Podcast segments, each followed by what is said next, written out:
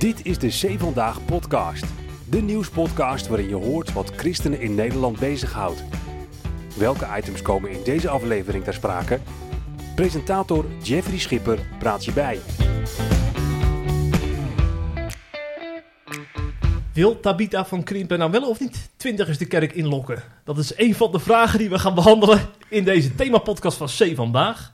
Want er stond namelijk in het dagblad Trouw Tabita. Ja. Welkom in de podcast. Dat zeg ik ook tegen dominee Bas van der Graaf, onze co-host van vandaag. We zijn bij, eh, bij jou thuis. Ja. PKM-predikant. Ja, Tabita, dat is toch wel een ding. Daar moet ik het toch even Ja. over hebben met jou. Twintigers de kerk inlokken. ja, dat eh, was hoe trouw het verwoordde. Ja. En hoe dat ook weer op Radio 1 belandde. Maar eh, nou, dat is niet uit mijn Nee? woord- mond gekomen. Nee. Ja. We gaan het natuurlijk wel over twintigers hebben, naar aanleiding van jouw boek, Bottom Up Kerk. Een Ja. pleidooi om eh twintigers serieus te nemen in de kerk. En dan ook eh, ja, echt een, een, een waardige plek te geven, laat ik het zo zeggen. Mhm. Maar ook een, eigenlijk een pleidooi voor eh, ja, toch wel een hele andere manier van werken in traditionele kerken. Ja. Onder, onder andere de kerk waar Bas van der Graaf actief is. Wat de bottom-up theologie inhoudt, dat gaan we van jou straks nog even horen, Tabita. Eén ding is zeker, Ehm, jij hebt kerkelijk Nederland een spiegel voorgehouden. Zeg ik dat zo goed? Ja, dat is Dat wel is het doel. Dat ja. is wel jouw doel. Ja. En Bas van der Graaf, jij bent bekend met de bottom-up theologie inmiddels. Ja. En eh, die spiegel, heb je er al in gekeken? Ik heb er wel in gekeken. Ja. ja. Ja. Ja. Nou, ik ben heel benieuwd naar het resultaat. Dat gaan we vast zo horen. Eh, ik ga eerst met jullie vijf stellingen doornemen voordat wij inhoudelijk eh, eh, op de theologie van bottom-up ingaan. Eh, de bedoeling is om het even kort te houden, gewoon als eh, aftrap van de podcast. En dan gaan we daarna nog eh, wat genuanceerder erop in. Ik begin met stelling 1. De dominee neemt in protestantse kerken een veel te centrale plek in. Pas van de Graaf, dominee. Ik denk het vaak wel, maar of ze het dan altijd ook willen, dat is een volgende vraag. Oké, ja. Tabita. Ja, daar zat ik ook aan te denken. Ik zei ook ja.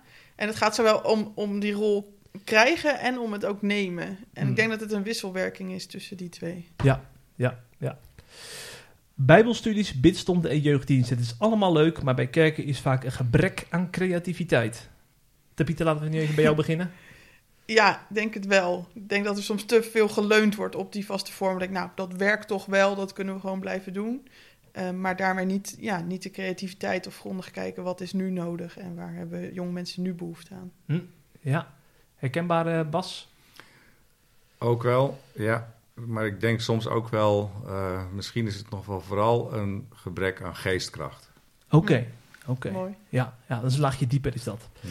Wie denkt dat twintigers naar de kerk komen voor een goede preek, heeft het niet begrepen. Is met de dominee? ja, ik zeg er even toch nee op. Want Oh. mijn indruk is dat twintigers echt wel van een heel goed verhaal houden. Ja. Maar dat ze vaak vinden dat het verhaal wat ze horen niet aansluit bij hun leven. Maar als het wel aansluit bij hun leven, Mhm. dan eh, lopen ze er echt niet voor weg. Ja. Integendeel. Ja, ja. Ja, eens, dat wou wou ik ook Daar zeggen. kunnen jullie elkaar helemaal in vinden, Ja. in die analyse. Eh, veel twin- twintigers doen te weinig hun best om aansluiting bij de kerk te vinden. Ja, Ja. die doen te weinig hun best. Ja, ja, ja. nou, dus leg uit. nou, veel twintigers zijn echt wel een beetje wiebelig en hebben een beetje bindingsangst enzovoorts. Dus het is, af en toe mogen we dat ook wel eens zeggen van jongens, jullie kunnen zelf ook wel een beetje meer je best doen. Hm. Maar we moeten als kerk ook wel erg ons best doen om eh, ze er een beetje in te helpen. Ja. Maar, eh, Ja. soms- Maar een schop onder de kont mag af en toe ook wel even. Ja, dat vind ik wel. Oké. Ja, interessant. Ik zit een soort half-half. Aan de ene kant snap ik wat Bas wel zegt. En aan de andere kant moet dat weer niet een excuus worden om dan maar te denken, ja, zie je nou wel die twintigers? Nee. Precies. Nou, toch wel even een kort voorbeeldje. Ik ben zelf pas verhuisd. En ik ging nou, voor het eerst naar de kerk in, eh, in mijn eh, nieuwe woonplaats. En ik dacht, nou, oké, ga eens kijken. En nou, ik was de, e- de enige twintiger, op uitzondering van één jong stel. Eh, en toen werd er gezegd van, ja, na de zegen komt nog even eh, de voorzitter van de kerkenraad wat mededelingen doen. Nou, oké. Nou, en toen kwam er opeens een heel verhaal over een fusie die daar gaande is. En over een gebrek aan vertrouwen. En een voorzitter van een diaconie die opstapt. En een Hmm. klassispredikant die erbij moet komen. En Mhm. nou, allerlei interne problemen. En dan zit ik daar als, als nieuwe twintiger en denk ik, ja, heb ik nou zin om me bij deze club mensen aan te sluiten? Ehm, en dan ja, wil ik wel, maar ja, is zo'n eerste indruk nog niet meteen heel eh, positief of Nee. enthousiastmakend. Ja. Dat vind ik dan wel ingewikkeld. Snap ik. Ja. De laatste stelling. Vergeving van zonde, bekering en een heilig leven leiden behoren tot het DNA van de kerk en mogen ook in de bottom-up theologie niet ontbreken. Tabita? Ik leg Ja, ik neer. moest er even over nadenken. Ik denk ja, maar dan wel de vraag hoe. Dus wat bedoelen we met vergeving van zonde? Wat bedoelen we met bekering en een heilig leven? Als het, ja, bekering kan... Het moet wel in een taal die ook... Dat het gaat leven ook voor jonge mensen. Dus gaat bekering ook over een moment in je leven dat je zegt... hé, hey, ik ga nu een andere weg inslaan. Het moet anders. Ja. Eh, nou ja, welke, welke woorden geef je daar Ja, dan aan? Hoe, hoe vul je dat in dat het ook echt raakt weer aan die leefwereld? Niet in de talen Kanaans. Hè? Dan, dan komt het niet over. Ja, een heilig leven gaat voor veel mensen denken over wat is een goed en betekenisvol leven. Ah, en dan Mm. raakt het weer. ja, ja. Bas? Ja, daar ben ik het mee eens. En kijk, vergeving is een heel belangrijk thema in het evangelie. Maar ook in het leven van, eh, ja, ook van jonge mensen. Hm. Want eh, ja, weet je, het, het- de ervaring van, van falen eh, eh, naar jezelf, naar anderen, naar God, die is er ook volop. Dus dat thema, dat moet er zijn, eh, maar wel in de taal van nu. Ja, ja, ja. Mooi, deze aftrap zo. Ik heb trouwens helemaal vergeten te zeggen... eh Tabita, je bent jonge theoloog des vaderlands geweest. Dat is natuurlijk een titel. Ja, Die moeten we wel even meegeven aan de luisteraars. Zeker. Hoe word je dat eigenlijk, jonge theoloog des vaderlands? ja dat is een initiatief vanuit de theologieopleidingen. En eh, nou, ook eh, nou, mijn eigen, de uitgeverij van mijn boek ook. Ik ook Boekencentrum, Ja. Trouw, Nederlands Dagblad. Die zeggen, hey, we willen ook een, ja, een theologische stem in het maatschappelijk debat laten horen. Ja. En ik was dan de junior variant. En dan is Juist. ook een eh, theoloog des vaderlands. Ja, Ja. Ja. en misschien ook nog relevant om te zeggen, wat in dit boek ook terugkomt, dat ik behalve theologie ook bedrijfskunde heb zeker. gedaan. Ja, ja, ja. Dat hoort ook helemaal bij die bottom-up theologie, hè? Dat Ja. heeft, eh, de, twee, de twee pijlers, theologie en bedrijfskunde. Ja. En eh, Bas, eh, word je dan eigenlijk serieuzer genomen in de predikantenwereld als je jonge theoloog des vaderlands bent eh, geweest? Werkt dat zo? Zeker. Ja, Ja? nee, het is gewoon, het, ja, weet je, het is een, eh, een mooie rol en Tabita heeft hem ook gewoon he- heel erg goed ingevuld. Die heeft gewoon eh, niet geschroomd om knuppels in, een eh, in, in hoenderhokken te gooien. En Ja. af en toe eh, heb ik ook beelden gezien dat je de nar uithing hier of daar. Ja. En dat is goed. Dus dat is, Ja. dat is een belangrijke rol. Dat heeft ze goed gedaan. Kijk, compliment eh, Tabita. Ja.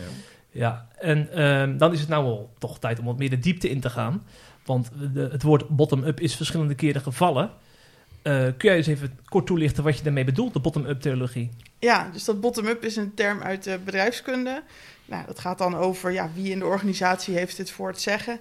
Je moet een soort piramidevormpje bij voorstellen. Vaak is dat de top, de, de, ja, boven in de driehoek een kleine groep mensen die uitdenkt... nou, die kant moet het op, Eh, dit hebben wij voor ogen voor onze organisatie over zoveel jaar.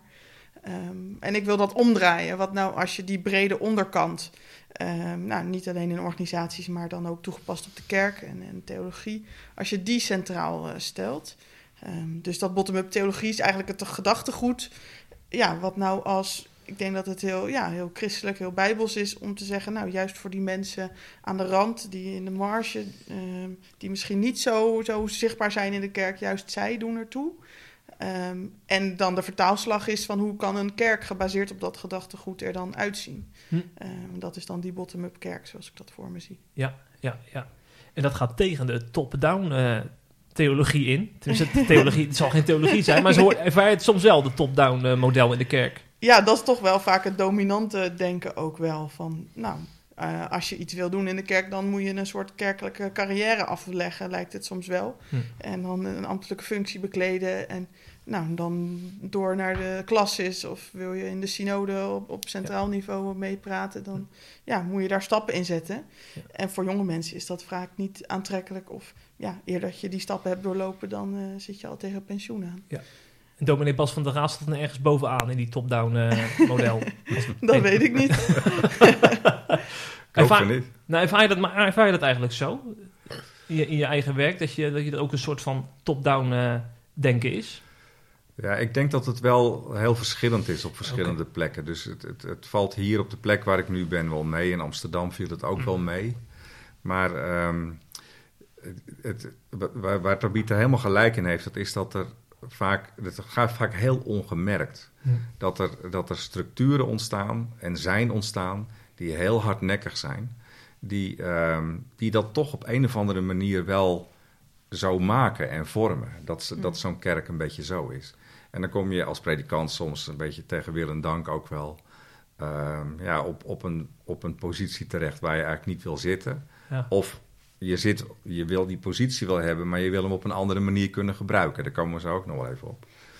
Dus dat is een beetje. eh, Dus ik, ik, Ja. herken het, eh, ik herken het wel. Maar het zal wel verschillend zijn in verschillende plekken ook. En ook vanuit de beste bedoelingen, denk ik. Ja. Niemand die zegt wij willen zo'n top-down kerk of zo. Nee. Nee. Eh, maar vaak een, groepje enthousiaste mensen die daar- zich betrokken weten op de kerk daarvoor gaan. Maar ja, op de lange termijn wel tientallen jaren in een kerkenraad eh, zitten bijvoorbeeld. En de, de manier hoe het gaat dan de enige manier eh, lijkt te worden. Ja. Waardoor er minder openheid is voor nieuwe initiatieven of wat Mhm. jongeren dan zouden willen. Ja. Maar als ik het goed begrijp, ben je toch ook in een reformatorische gezinte opgegroeid? eh? Klopt, ja. Ik heb ja. een eh, hervormde, ja, hervormde Ja. opvoeding, achtergrond gehad. En Ja. eh, nou, familie nog weer een stukje zwaarder. ja. Want daar neemt de dominee ook best wel een centrale rol in, valt mij op. In, Ja. dat segment van de kerk. Het verhalen van mijn moeder was er nog echt een aparte stoel voor de dominee bij een verjaardag. En Hmm. Ja. ja, was dat echt nog heel belangrijk. Ehm, ja, ik denk dat dat ook vanuit bedrijfskundig perspectief best wel ja, een risico is. Ook als het gaat over leiderschap. Ehm, als je zo'n centrale plek hebt, als je op zo'n vo- voetstuk geplaatst wordt, weinig kritisch tegengeluid meer hoort, ja, is dat, komt dat ook wel de, de kerk of de geloofsgemeenschap ten goede? Dat, dat, ik vind dat best wel een spannende, ja, spannende vraag. Mm. Ehm, dus ja, ik denk dat dat, dat van, je, ja, van je top afstappen, dat dat voor iedereen heilzaam is. Ja, ja, ja, ja. Maar als ik het goed begrijp, Bas, eh, eh, dan ervaar je dat zelf niet in huizen zo op die manier. Dat je, dat je heel Nee, centraal is, eh, staat. Ja, dit, dit is een, een plek waar gelukkig ook nog wel aardig wat twintigers zijn. En, Ja. eh, en die blijven ook wel. Ehm, het, het is hier vrij, vrij plat, zeg Mhm. maar, hè, de- qua organisatie. Ehm, en ehm, ja, kijk, waar, waar dit vooral volgens mij toch echt over gaat, is eh, welke rol neem je ook als predikant? Faciliteer je Ja. eh, gewoon ook heel veel gesprek? Ben je dus eigenlijk ook een, een soort van leraar die in de interactie eh, eh, ja, zeg maar, lessen leert hè, en, en, en eh, aan het leren bent? Of ben je een, een, een predikant die, die eigenlijk voortdurend aan het zenden is en, en, hè, en, en vooral dat eigenlijk een beetje belichaamt? Mm.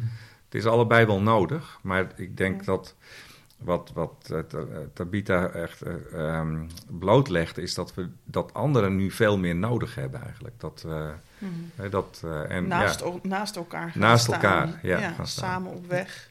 Ja. Ja, Ja. die Ja. beweging. Ja. ja, dus dat, dat heb ik er heel erg in gehoord ook in, in deze harte kreet. Ja? Ja, ja, Ja, ja. ja. Maar als we dan kijken even naar de traditionele kerk. Hè. Ik noem dan even de, de kerken eh, die allemaal een synode hebben, die eh, eh, een, kerkverband vormen. Hè, waarin allerlei lagen zitten. De PKN is ook zo'n kerk.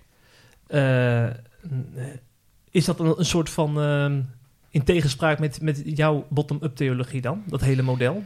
Nou ja, ik krijg wel eens te horen van ja, maar de protestantse kerk is toch juist heel erg bottom-up georganiseerd. En kijk maar naar de katholieken, daar is het allemaal van één paus afhankelijk. En nou, heel hiërarchisch systeem. En misschien is dat op papier ook wel zo dat eh, nou, juist de protestant dat wat gelijkwaardiger wilde maken. Ehm, maar in de praktijk is dat het denk ik niet meer. En is het dus heel moeilijk om echt eh, ja, mee te kunnen praten. En eh, nou, ook als jongeren mee te denken over de toekomst van de kerk. En hoe, ja, hoe gaat nu bijvoorbeeld bij de synode PKN is het groot thema eh, ja, de ambtsvisie. Eh, wat is er nou uniek aan, aan een eh, WO-opgeleide predikant? Wat mag die wel en wat mag een HBO-predikant? Ja, daar wordt heel veel over, ja, over jonge predikanten en mensen die in de kerk werken gepraat.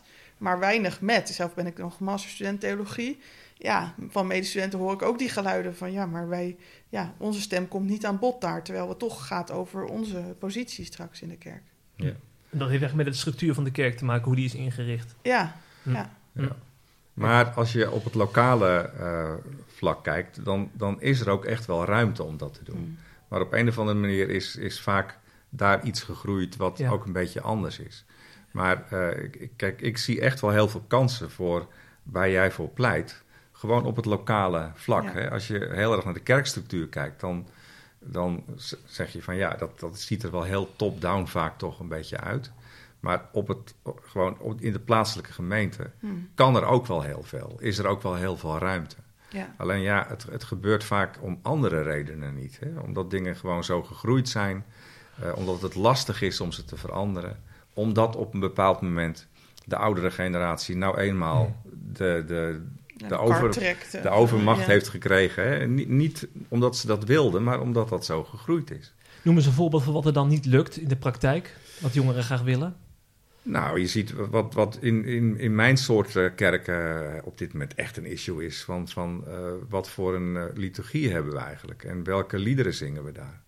En eh, nou ja, je ziet overal nu pogingen om een soort gemengde liturgie eh, te creëren.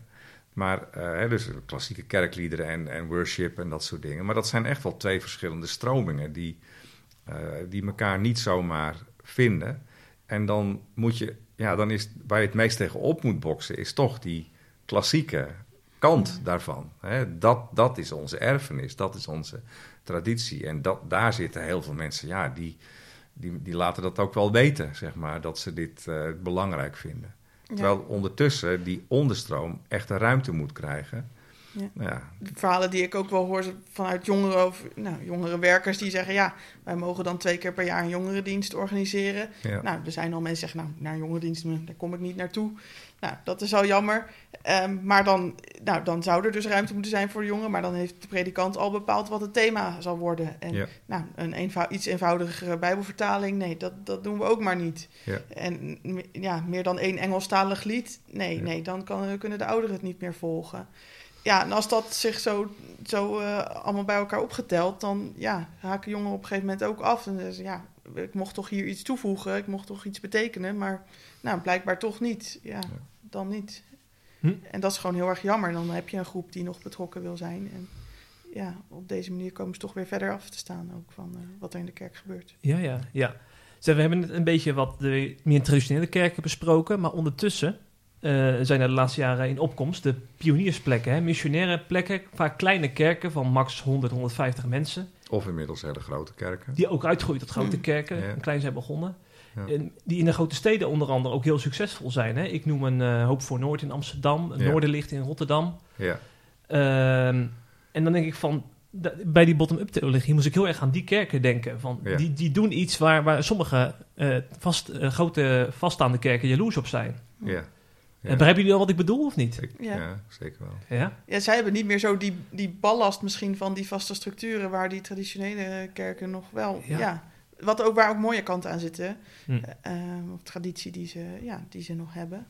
Ehm, maar ja, ik vind het wel mooi dat die, die plekken die jij noemde, die hebben wel iets van een soort drive of ondernemerszin van hé, hey, we gaan ervoor. En eh, er is heel veel mogelijk ook qua zoeken naar nieuwe vormen. En Ja. die willen, ja, die willen graag vooruit, willen graag aansluiting zoeken met wat, Ja. er, eh, Ja. wat er gebeurt. Ja, Ik heb bij een kerk in Utrecht gezeten. Dat was gewoon elke zondag voordat de dienst begon, gingen we met elkaar eh, brunchen. Van 11 Ja. tot 12. En dan gingen mensen gewoon lekker eten maken. Dan schuif je bij elkaar aan. En dan Ja. 12 uur begint de viering. En dat werkte zo goed bij mensen die dan eh, uit een AZC eh, naar zo'n dienst komen. Omdat eh, Ja. maaltijd hoort helemaal bij hun cultuur natuurlijk. Ja. En denk je, als je, in sommige kerken moet daar eerst volgens mij een half jaar over vergaderd worden... voordat je überhaupt zo'n maaltijd er doorheen krijgt. Of niet? Dat kan ook, ja. Ja. En zijn de gebouwen ook niet op ingericht. Nee. Ja, ook dat. Ook dat. Kijk, en wat de kracht is van pioniersplekken, dat zijn denk ik twee dingen. Eén, ze zijn opnieuw kunnen beginnen. Ja. Hè? Het is makkelijker om iets nieuws geboren te laten worden dan, eh, Dat is waar. dan, dan echt het bestaande te verrijden en dan doden op te wekken, is er wel eens gezegd. Hè? Ja.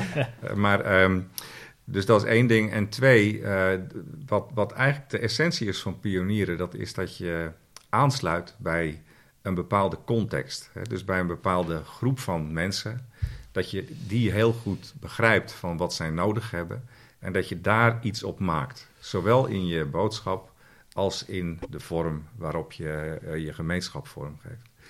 Ja, en dat, eh, dat is denk ik de kracht van die plekken, die ook soms heel groot geworden zijn. Een mozaïek en zo, dat is eigenlijk allemaal een beetje hetzelfde.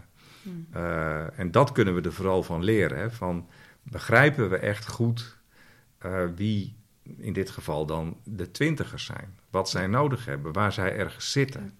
Dat doen die plekken vaak gewoon heel erg goed. Ja. En, eh, Dat begint al met als je nieuw bent, dan komt er iemand naar je toe en zegt: Hey, welkom, fijn dat je er bent. Nou, wat, wat kunnen Ja. wij voor jou betekenen? Wat Ja. kan jij voor ons betekenen? En laten we een verbinding aangaan met elkaar. Of, Ja. Nou, zo'n site van Mozaïek, dat is daar ook al helemaal op ingericht met mooie beelden. En nou, hier, dit is een, volgens mij staat er op de hoofdpagina plek van gebroken mensen.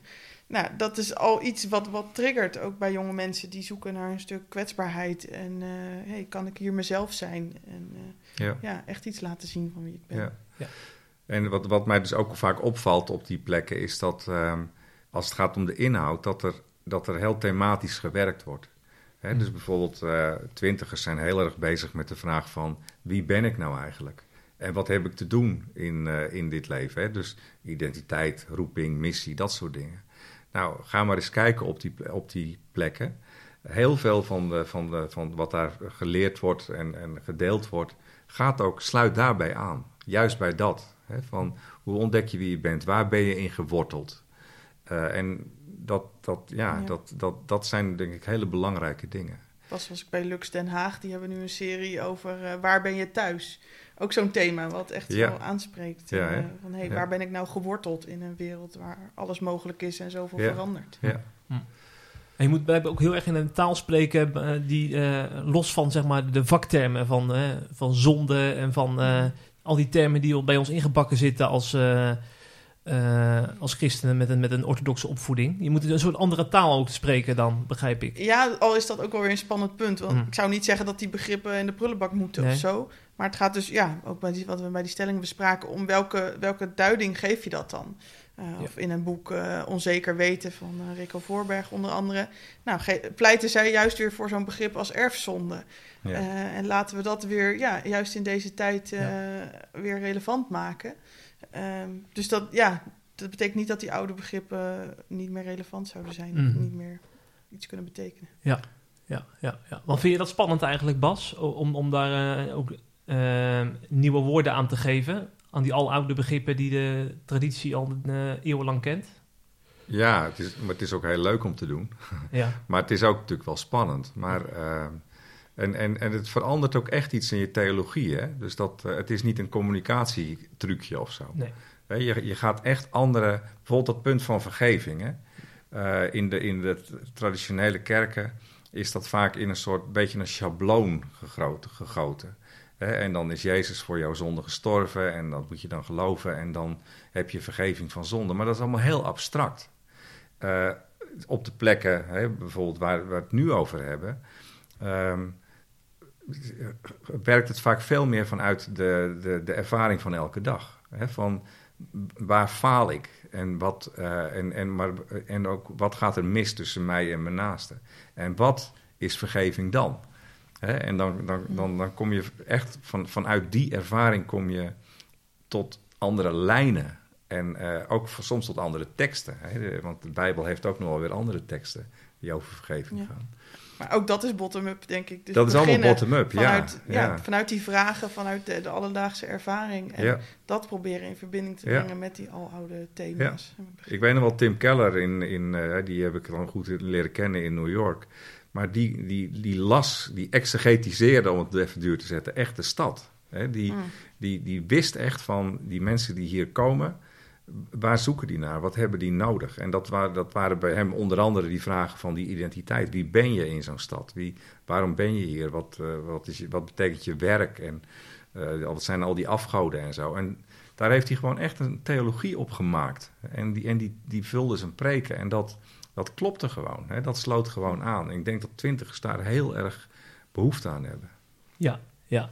Maar om jou even te citeren uit een van jouw eh, doordenkers, Tabita. Je schrijft onder andere... Geen van de twintigers die ik heb gesproken... zei iets over de betekenis van vergeving van zonde, hel, verzoening, zonde of schuld. Eh, de- sommige mensen schrikken daarvan hè, als ze zoiets lezen. Ja. Nou, Oh. dat was een observatie, omdat Ja. ik met dat verhaal ook ben opgegroeid. Ja. En dus in gesprek ging met twintigers over, nou, wat betekent geloof nou voor je? Of wat vind je in de kerk? Nu zal ik niet zeggen dat, nou, zoveel twintigers heb ik ook weer niet gesproken. En dat zal vast niet helemaal representatief zijn. Ehm, maar toch vond ik dat wel opvallend. Dat, Mhm. dat, dat, ze kwamen met allerlei mooie verhalen, maar Ja. dit was n- niet een van de narratieven die voor hen eh, Ja. ja. zo Welke waren het wel? Eh, nou, bijvoorbeeld de uittocht uit Egypte. Eh, ja, een woestijntijd. Niet weten waar je naartoe gaat. Uh, door, ja, door een periode ervaren waarin je niet weet wanneer je weer het beloofde land zal zien. Ja. Dat, er zitten wel haakjes in, hè Bas? Ja, ja, maar ik bedoel, er zitten heel veel haakjes in. Hè? Ja, maar, maar, je, maar dat, dit, dit heeft gewoon met ervaringen nu te maken van, van, jonge mensen. Ja. dat is het hele verhaal van deze generatie. Vanuit de ervaring beginnen, in plaats van andersom. Ja. Maar Jezus deed niet anders. Ja. Als je naar de bergreden kijkt, dan, dan proef je aan alles dat hij eigenlijk zijn, de, de aanleidingen voor zijn lessen gewoon van de straat heeft opgeraapt. Hmm. Hm. Dus hebben we nieuwe bergreden nodig in deze tijd? Ja, Of, of in ieder geval eerst die bergreden eens eventjes goed gaan gebruiken. Want uh, dat merk ik ook, dat heel veel christenen die bergreden niet goed kennen. En dat, dat, ik denk dat voor twintigers... Ik heb pas, hebben wij een beleidenisgroep gehad, twaalf twintigers. Hmm. En daar hebben we zes weken lang over de bergreden gesproken, daarom zeg ik het ook. Maar dat was fantastisch. En dat, dat opende hun de ogen voor... Uh, ze hebben een soort andere Jezus hebben ze echt leren, leren kennen. Jezus ook echt als leraar uh, van het leven. Hè? Van, van het leven hier en nu, wat ook tegelijkertijd eeuwig leven is. Maar dezelfde dingen, maar heel anders ingekaderd en zo. Dat was prachtig. Mooi. Nou, kunnen we daar ook nog een boekje van Ja, zeker. Ja, komt eraan. maar wat ik dan toch even afvragen, Tabita en Bas. Uh, we hebben het natuurlijk heel veel over twintigers, want die staan voor een groot deel centraal in je boek. Maar uh, er komt heel veel op twintigers af hè, in deze tijd. Uh, terwijl er ook heel veel, uh, een beetje gek, maar vacatures ook in kerken zijn. Dus heel veel behoefte hmm. aan mensen die betrokken zijn en zo. Uh, maar toch zie ik ook twintigers niet altijd erop inspringen, omdat ze dan toch prioriteit geven aan andere dingen in het leven. Ja. Uh, dus ik, ik, soms vind ik het moeilijk om te zeggen, waar ligt nou de bal? Ligt die bal nou bij de kerk of ligt die bal nou bij de twintiger? Ja, dat is lastig. Toch, ja ik vind soms wel dat te snel weer van, oh, dat zijn de twintigers. Ik mhm. denk dat twintigers bij uitstek heel erg gevoelig zijn voor de huidige tijdgeest en cultuur waar we in leven. Dus als een twintiger niet in de kerk zit, ja, dat zegt denk ik ook iets over dat we in, leven in een, wat we dan noemen, meer keuzemaatschappij. Waarin er zoveel keuzes zijn. Ja, wie, waarom niet op zondagochtend naar de, naar de sportschool met vrienden afspreken en mhm. nog even uitslapen? telkens is dat weer een, bewuste keuze voor veel twintigers. Waar dat voor oudere generaties gewoon, nou, je hebt één keer een keuze gemaakt. En een levenslange loyaliteit aan de kerk. Ja, en die vanzelfsprekendheid is er niet meer. En legt dan ook dus de bal bij de kerk van ja, maar komen jullie maar met een goed verhaal waarom ik überhaupt dan voor die kerk zou kiezen. Ehm, ja, en dat is wel natuurlijk lastig. Maar ook biedt ook denk ik kansen voor de kerk om te hm. laten zien van hier staan we voor en dit, dit hebben wij te vertellen en dit verhaal is relevant. Ja, ja, ja. En dan moet je dieper gaan dan alleen zeggen van... joh, er is nog een vacature bij, uh, bij de diakenen. Ja. Stap erin. Dat is, dat is te weinig. Ja, de vraag is überhaupt... moet je van twintigers vragen om dan zo'n vier jaar lang ambtsfunctie op zich te nemen? En weer op die structuren teruggaan. Ja, we kunnen ook wel heel druk zijn met heel veel dingen... die ook niet altijd per se heel veel bijdragen. Kijk, wat ik altijd ijzersterk vind van kerken zoals uh, Mozaïek bijvoorbeeld... dat is dat ze een hele slimme structuur hebben... om uh, mensen voor een taak in te schakelen. En iedereen voelt zich daar ook deel van de missie. Dat is altijd het knappe daarvan. Hè? Van, er is een duidelijke missie en jij kunt daar iets in, in doen. Maar niet met je hele leven. Ja, soms gebeurt dat ook. Maar uh, weet je, dus dat, dat, is, dat zijn goede instapvormen. En ik denk dat we dat sowieso te doen hebben. Ook uh, bijvoorbeeld die beleidingsgroep waar ik het net even over had. Dat zijn allemaal mensen, die, jonge mensen die studeren deels nog of zijn aan het werk. Maar ze hangen overal uit. En ze vinden zich echt helemaal binden aan de kerk, vinden ze lastig. Is een beetje bindingsangst, ook uitstelgedrag als het gaat over beleidenis doen. Nou, dan hebben we een verdiepingscursus bedacht. Eens in de twee weken. Uh, je komt in de appgroep. Als je kan, dan ben je er. Als je niet kan, ben je er niet. Maar je bent wel connected. En het is gewoon een platform om te praten over centrale thema's van je leven en van het geloof. En ergens richting Pasen gaan we kijken van, joh, zijn er van jullie die een stap willen zetten richting beleidenis? Dus um, ja, dat is volgens mij dat is eigenlijk best wel goed gelukt om ja, mooi. tegemoet te komen aan hun behoefte aan ruimte. En tegelijkertijd ook wel steeds prikkels te geven van, oké, maar je kunt wel stappen zetten om te connecten. Hm. En daar, daar ben ik heel erg naar aan het zoeken nu. Ja. Ja. Herken je dat wel? Ja. ja. ik herken dat wel. Het zou mooi zijn als een soort inderdaad verschillende niveaus of zo. Van een instapniveau en dan stroom je door. En, nu is het toch vaak, nou, je, wordt, eh, je vervult een ambt en opeens Ja. ben je dat en moet Ja. je dat kunnen. Ehm, dus ik ben ook wel voorstander van een soort mentorconstructie. Ja. Zo, sowieso tussen gemeenteleden, jong en oud aan elkaar koppelen. Ja. Oh ja. Maar ook voor taken in de kerk. Loop eens eerst een halfjaartje mee. Wat doet een koster eigenlijk? Wat doe Ja. je Ja. als kerkraadslid? En, en leer van elkaar. En nou, kijk zo of, of dat ook misschien jouw eh, Ja. rol kan zijn. Heel goed. Goed voor de verbinding ook onderling eh, in de gemeente. Ja, zeker. Zeg, eh, we gaan... We hebben het eigenlijk al over bottom-up in de praktijk. En Mhm. eh, dat wil ik nog eventjes illustreren met een paar voorbeelden uit jouw boek, eh, Tabita. Want in jouw succes geef je een aantal concrete voorbeelden. En ik pik er even een paar uit en die bespreek ik even met jullie beiden. Je, een van de voorbeelden is organiseer adoptiediensten. Daarbij adopteren gemeenteleden een viering en geven zij zelf invulling aan de dienst, zonder dat er per se een predikant aanwezig is. Bas, is dat een idee? Ik denk het wel. Ja? Ik denk het wel, ja. Dan heb jij een weekend vrij. Eh, een weekend vrij. Ja. Ja. Maar dat vinden sommigen wel spannend, hè? De touwtjes loslaten en... eh, Ja, de, de, de- Dus dat, dat staat tegenover die centrale rol van Ja, de predikant. Want Ja. wat nou als je die gemeenteleden zelf Ja. echt de ruimte geeft? En wat kan Ja. er dan ontstaan? Precies. Ja, ja. En dan, maar dan niet één keer per jaar dan, neem ik aan. Of, Nee. eh, De zomerperiode kan goed Ja, ja, zijn. precies. eh. ja, ja. En eh, wat hier ook nog bij staat, ga speeddaten. Organiseer een avond voor mensen uit de buurt waarop ze kunnen speeddaten met mensen uit de kerk. Eh, ja, wat zou dat toevoegen dan? Nou, een soort laagdrempelige avond van, nou, wat heb, een beetje inspelend op misschien vooroordelen die er zijn. Wat Oh, heb ja. jij altijd al willen vragen aan een gelovige? Zijn ze echt zo, eh, een, geloven ze echt in sprookjes? Eh, zijn Ja. ze echt zo irrationeel als je denkt? Nou, waarschijnlijk zijn het toch hele gewone normale mensen. Ja, Ehm, vanuit een soort wederzijdse nieuwsgierigheid, hopelijk. ja, ja, ja. ja. ja. Van, ben jij student geweest vroeger, eh Tabita? Nog steeds, ja. Ja, nog, ja, nog steeds natuurlijk. Ja, En het studentenleven heb je ook al flink leren kennen in de loop der jaren. jawel, ja. Studentenverenigingen? En, eh, ja, ja, Ja, klopt. daar doet me het ook allemaal een beetje aan denken, jouw voorbeelden. Heb je dat daar eh, afgekeken? Nou, misschien deels. Ik ben ook wel zelf weer bij studentenverenigingen geweest afgelopen jaar om met Ja. hun in gesprek te gaan. Of een aantal stellingen van, nou, van, van ouderen hoor ik dat, eh, dat twintigers weinig commitment hebben. Wat vinden jullie daarvan? Nou, dan komen er mooie verhalen los. En Ja. zeggen ze, nee, maar wij zijn op zoek naar een plek waar we, ja, waar we onze geloofsbeleving eh, Hm. echt kunnen, ja, kunnen hebben. Waar we elkaar kunnen ontmoeten. En ja, of dat nou PKN of NGK is of CGK, dat maakt dan niet altijd uit. Ja. Eh, maar dat wordt niet altijd begrepen door eh, ja, mensen uit de kerk. Ja. Mag ik ook nog even een klein beetje kritisch Ja, eh, hier- graag. hierop? Graag. Ehm, ik, ik- precies in dit hoofdstuk eh, eh, vond ik het wel een beetje veel tips en, en een, beetje in de, een beetje in de vorm zitten. De inleiding die, die, die gaat wel wat dieper. Maar ik zat daarover na te denken en ik dacht van, ehm, wat, ja, wat, wat is er nou zeg maar ook in een meer geestelijke, spirituele zin Mm. nodig? En waar ik aan moest denken, dat is... ehm, eh, er, is, er zijn volgens mij een paar dingen tegelijkertijd bezig in Nederland. Er is aan de ene kant is er leegloop en, en, en jongeren die wegraken. En tegelijkertijd is er ook een soort van opleving, opwekking gaande onder jongeren. In allerlei culturen, subculturen.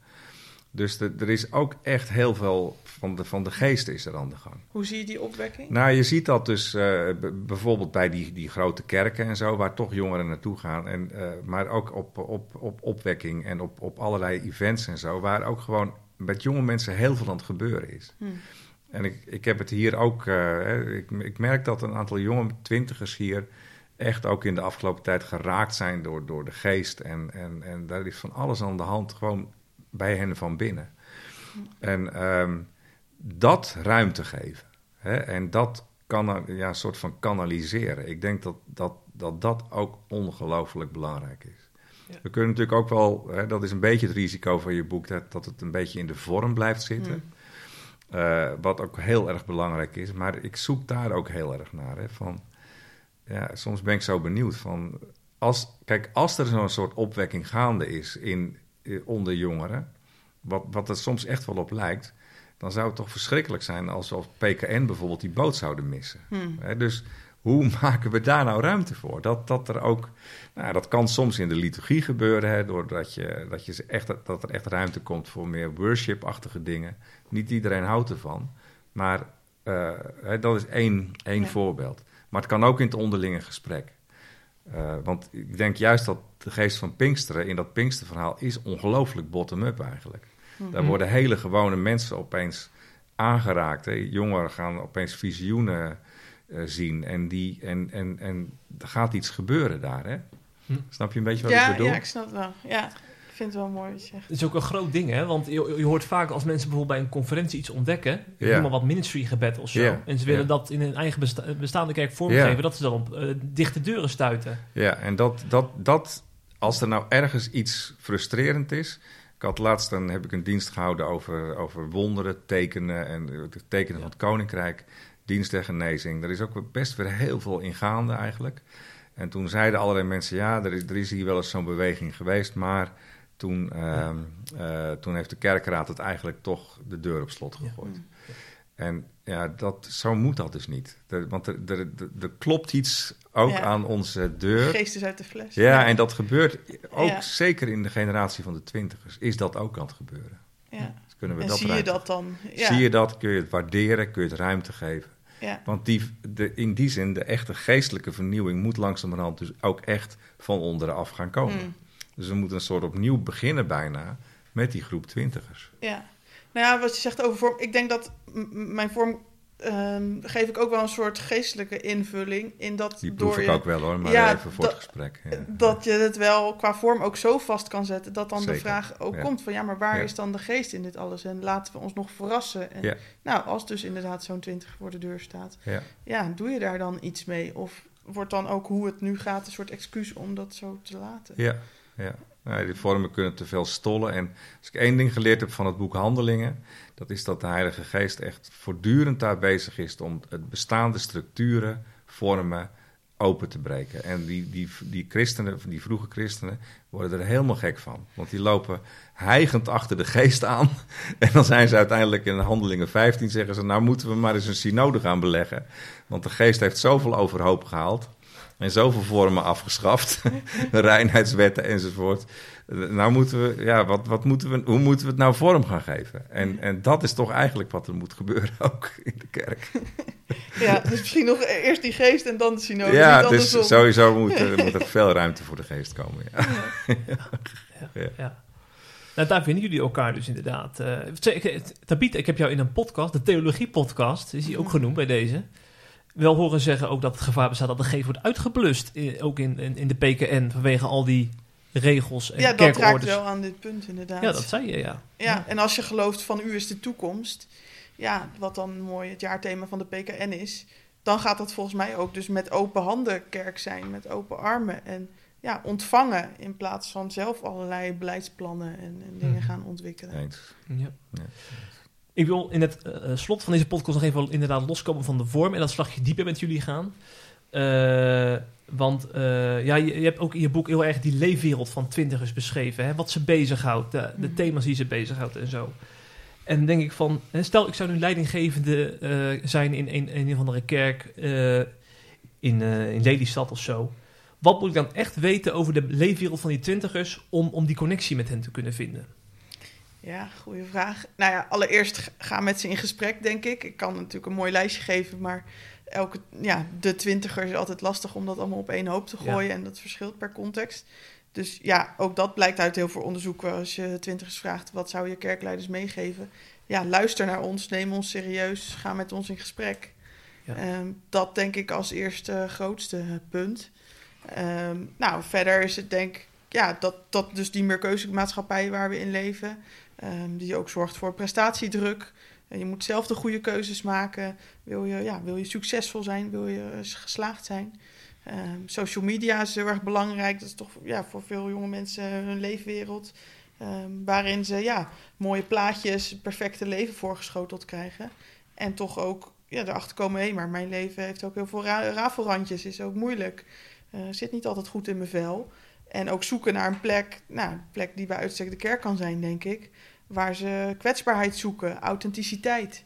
Ehm, een voorganger is in mijn visie ook hopelijk letterlijk, letterlijk een voorganger. Iemand die voorgaat, die laat zien hoe je ja, met Ja. vallen en opstaan Jezus navolgt. En eh, hoe dat eruit ziet. Niet meer iemand die de antwoorden eh, allemaal paraat heeft, maar die, ja, die ook laat zien hoe die zelf eh, worstelt. daarmee. Helpt het dan als een voorganger, ik noem maar even een voorbeeld, zegt van ik ben aan porno verslaafd geweest? Beste, beste tieners, beste twintigers. Nou ja, ik denk dat als dat in een veilige, open setting, eh, kwetsbaar, dat daar zeker een goed gesprek over te voeren kan zijn. En dat dat, dat uitnodigt om, voor andere mensen om ook hun, eh, Hm. ja, hun worstelingen op dat gebied te delen. En ik denk dat er voor twintigers weinig taboes zijn eh, wat dat betreft. En nou, ook thema seksualiteit is, is bij uitstek zo'n thema wat ook hopelijk een plek krijgt in de kerk. Ja, ja, precies. Ja. Lukt dat ook eh, jou, Bas, om, die, om op dit, dit niveau die connectie te, te maken met de twintigers in jouw eh, omgeving? Als het gaat om kwetsbaarheid en de thema's die je aan Tabita aanroert. Ja, ik denk dat tenminste, nu, nu, eh, we hadden nu dus twaalf twintigers die beleidenis deden. Er werden nog twee gedoopt ook en zo. En dat was wel een vrucht van dit. Dus ik, ik, Hmm. ik, ik, eh, nou, ik durf wel te zeggen dat dat dus wel een vrucht daarvan is. Dat dat, dat dus wel gelukt is. Hmm. En ehm, ja, ik geloof heel erg dat, eh, dat, dat twintigers eh, nog steeds echt wel heel veel willen weten. Ze snakken eigenlijk naar gewoon kennis die ergens over gaat. Authenticiteit noemde jou, hè, dat ze zichzelf eh, kunnen zijn. Ze willen heel graag gehoord worden. Dat, dat is ook een hele diepe behoefte, denk ik, bij ze. Eh, en nou ja, goed, inderdaad, die vragen van identiteit en missie. Hè. Wie ben ik, wat heb ik te doen in het leven? Die spelen toch voortdurend ook eh, een rol. En het punt van ervaring. Dus ze benaderen heel veel dingen toch ervaringsgewijs. Vanuit, hoeft niet eens zozeer emotie te zijn, maar wel gewoon het geleefde leven. En als je ze naar God vraagt. Ik heb aan al die twaalf gevraagd: wat vind je nou mooi aan het geloof? Ze zeiden bijna allemaal niet van dat mijn zonden zijn vergeven, maar dat er altijd iemand bij me is. Hm. Dat, eh, hè, dus gewoon het, het feit dat God bij je is, dat, eh, dat is blijkbaar ook heel erg belangrijk. Een soort veilige plek ook, ja, denk zoiets. ik. En dat Ja. gaat natuurlijk eigenlijk over verbinding en over waar ben je in geworteld. Dus dat heb ik wel van ze geleerd, ja. ja. En eh, ja, daar een beetje openheid. Je hoeft maar eigenlijk gewoon maar in gesprek te gaan en ruimte te maken. En dan kom je al een heel eind, denk ik. Ja. Ja. Eigenlijk moet het ook niet moeilijker maken dan het is dan. nee, misschien ook niet. Echt niet. Ja. Nee, maar het is wel zo, als pre- dat- dan zijn we weer terug bij het begin. En dat, eh, dat heb je bladzijden lang ook natuurlijk gezegd van... de structuren zijn hardnekkig. Hm. Vanavond zit ik weer op mijn kerkraad. eh, ook naar aanleiding van deze groep, van die, van die twaalf, heb ik een, een A4'tje gemaakt van wat hebben we hier nou in ontvangen? En wat betekent dat nou voor de toekomst van onze gemeente? En voor de dingen die we wel doen en die we niet doen. En waar jullie mij als dominee voor willen gaan inzetten. Ook wel een beetje geïnspireerd door jouw boek hoor, want dat hielp wel. Ik, denk, ik neem het ook mee vanavond en dan ga ik ook. Maar ik, ik- dat is het echt wel, want de, de, de, de structuren zijn taai. En dat. eh, Ja. en het is geen onwil, maar het is vaak heel moeilijk om, het, om ervan los te komen. Je moet een beetje dapper zijn. En ik denk, met mijn boek probeer ik ook wel een stuk ontspanning te Ja, geven. dus dat proef ik ook. ja. Ehm, je kan natuurlijk zeggen, oh, het moet weer anders en we moeten nog meer dingen en jongeren en we doen al zoveel. Maar nou, wat jij zegt, gaat ook eerst eens kritisch kijken, wat doen we nu? En in hoeverre past dat bij wie we willen zijn als kerk en, en op wie we ons willen richten? En nou, ik zie ook wel jonge voorgangers die dan worden aange... Ja, die dan in hun eerste gemeente staan en dan, oh, een mooi jonge voorganger en die gaat de gezinnen weer terughalen naar, naar Ja. onze kerk. En, maar ja, de ouderen moeten ook bezocht worden en wat we altijd al deden moet ook gewoon doorgaan. En daar burn-out weer na een tijdje weggaan. Ja. Omdat dat gewoon te veel is. Ja. Ehm, dus voordat je iets nieuws zomaar gaat beginnen, stop ook gerust met heel veel dingen die je al eh, deed. Ja. Ja. En geen symptoombestrijding, hoor ik je ook zeggen. Ja, Want dat, dat zijn we weer geneigd om te doen als ja we dit, dus deze ook in zo'n kerkenraad dat we dan gaan zeggen, wat zouden de jongeren hiervan vinden? Nou, dan gaan we daar eens over nadenken. Dat is echt te weinig. Ja, dat is echt te weinig. Ja, nou, zet ze daar aan tafel en laat Ja. ze echt meepraten. Ja. Nou ja, als, op het moment dat je er een paar voor je neus hebt zitten, moet je je echt realiseren van oké, jullie zijn de kerk van de toekomst. Wat gaan, wat gaan we doen? Zeg maar. Dat is toch eigenlijk wat, wat nu nodig is. Ja. Ja. Ja. Maar ik vraag me dan toch af, ik heb volgens mij in jouw boek ook gelezen hoe weinig eh twintigers lid zijn van de PKN. Is dat 1 twaalfde of zo? Eh beleidende leden. Beleidende ja, leden 1 twaalfde. 8% jonger dan 40 jaar. Dan denk ik van, als we het hebben over de kerk van de toekomst, kan het nog wel in zo'n dat soort type kerken dan? Hebben zij niet gewoon die vrije kerken nodig, hè? de- zeg maar de snelgroeiende kerken die we allemaal kennen? Is ja, dat ook niet... dat is vorm, zoals jij zei over bindingsangst. Ja, zelf heb ik ook nog geen belijdenis gedaan. Ik dacht, nou, dat ga ik doen op het moment dat ik me echt langere tijd aan een eh, kerk kan binden. Nou, inmiddels zo vaak verhuisd dat dat er nog steeds niet van is gekomen. Nee. Ja, dan wordt dat toch ingewikkeld. En eh, nou, als theologiestudent ga ik dan weer een jaar zo'n uh, volgen of zo. Ja, ik vind dat dan best lastig. Ja. Dus ook, ja, ook dat is van pas deze vorm en, en hoe dan. Ja, ja ik, ik weet het niet. Het is, het Hmm. is heftig wat er aan het gebeuren is. Ik bedoel, in de, de PKN. eh, eh, maar tegelijkertijd zie ik dus ook die andere beweging. En ja, wij moeten denk ik ook... eh, ja, ik ben predik- PKN-predikant, maar we, we moeten heel erg kijken van... waar kunnen we de verbinding blijven maken, ook met die onderstroom die er is. Hè? Hmm. En ook de onderstroom van verlangen die er is. En het zou best wel kunnen zijn dat, eh, dat, eh, dat ze uiteindelijk eh, het niet meer bij ons vinden. En dat, dat er inderdaad nieuwe kerken nodig zijn. Mijn zegen hebben ze, weet je. Het, uiteindelijk is de kerk nooit een doel op zich. Hè? Het, is een, het is een oefenplek, het is een plek waar, waar iets van het koninkrijk van God zichtbaar wordt.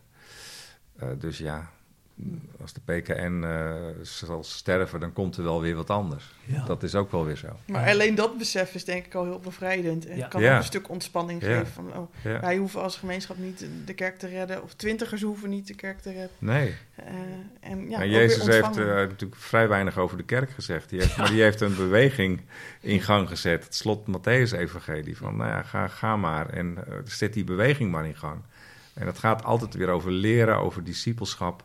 En hoe dat vorm krijgt, dat is nog weer wat anders. Maar dat jongeren dit nodig hebben, daar ben ik van overtuigd. En waar dan precies? God knows. Ja. Een podcast is pas echt geslaagd als je met Jezus afsluit, vind ik altijd. Dus Oh. eh, daar ben je onbewust in geslaagd, Bas. Is dat zo? Ja, zeker. Ja, ja. We, we kunnen geen podcast zonder Jezus maken, toch? Over als het over Nee. theologie en kerk gaat. Zeker niet. Hè, dan zijn we pas echt ver van huis. Ja. Eh, Tabita, ik wil je bedanken voor eh, je boek, voor je bijdrage. En tegen Bas zeg ik ook bedankt voor eh, je analyse, voor je duiding. Ja. En eh, ook voor je ervaringsverhalen. Want je, bent, je spreekt natuurlijk van binnenuit als pre- predikant. Ja. Dus eh, we zijn, waren een mooie trio deze podcast, volgens Ja. mij. En mochten mensen meer willen weten over mijn boek, dan Ja. kunnen ze terecht bij bottomupkerk.nl zonder streepje. En ik heb ook gespreksvragen gemaakt voor. Oh nou, ja. Ik zit alweer aan het einde van het kerkelijk jaar. Ja. Maar mochten de kerken eh, september beginnen weer met kringen, dan eh, zijn er ook gespreksvragen om eh, over het boek door te praten. ja, ja, precies. Dankjewel, eh, Tabita. ja, ja. bedankt. En Bas. Ja, en ik zou zeggen, volgende keer waarschijnlijk weer een nieuwspodcast gewoon. En eh, dan hoop ik jullie, eh, dat jullie er weer bij zijn, luisteraars. Tot dan. Hopelijk heb je genoten van deze C Vandaag podcast. Volgende week is er weer een nieuwe aflevering. En blijf via cvandaag.nl op de hoogte van het laatste nieuws uit Christelijk Nederland.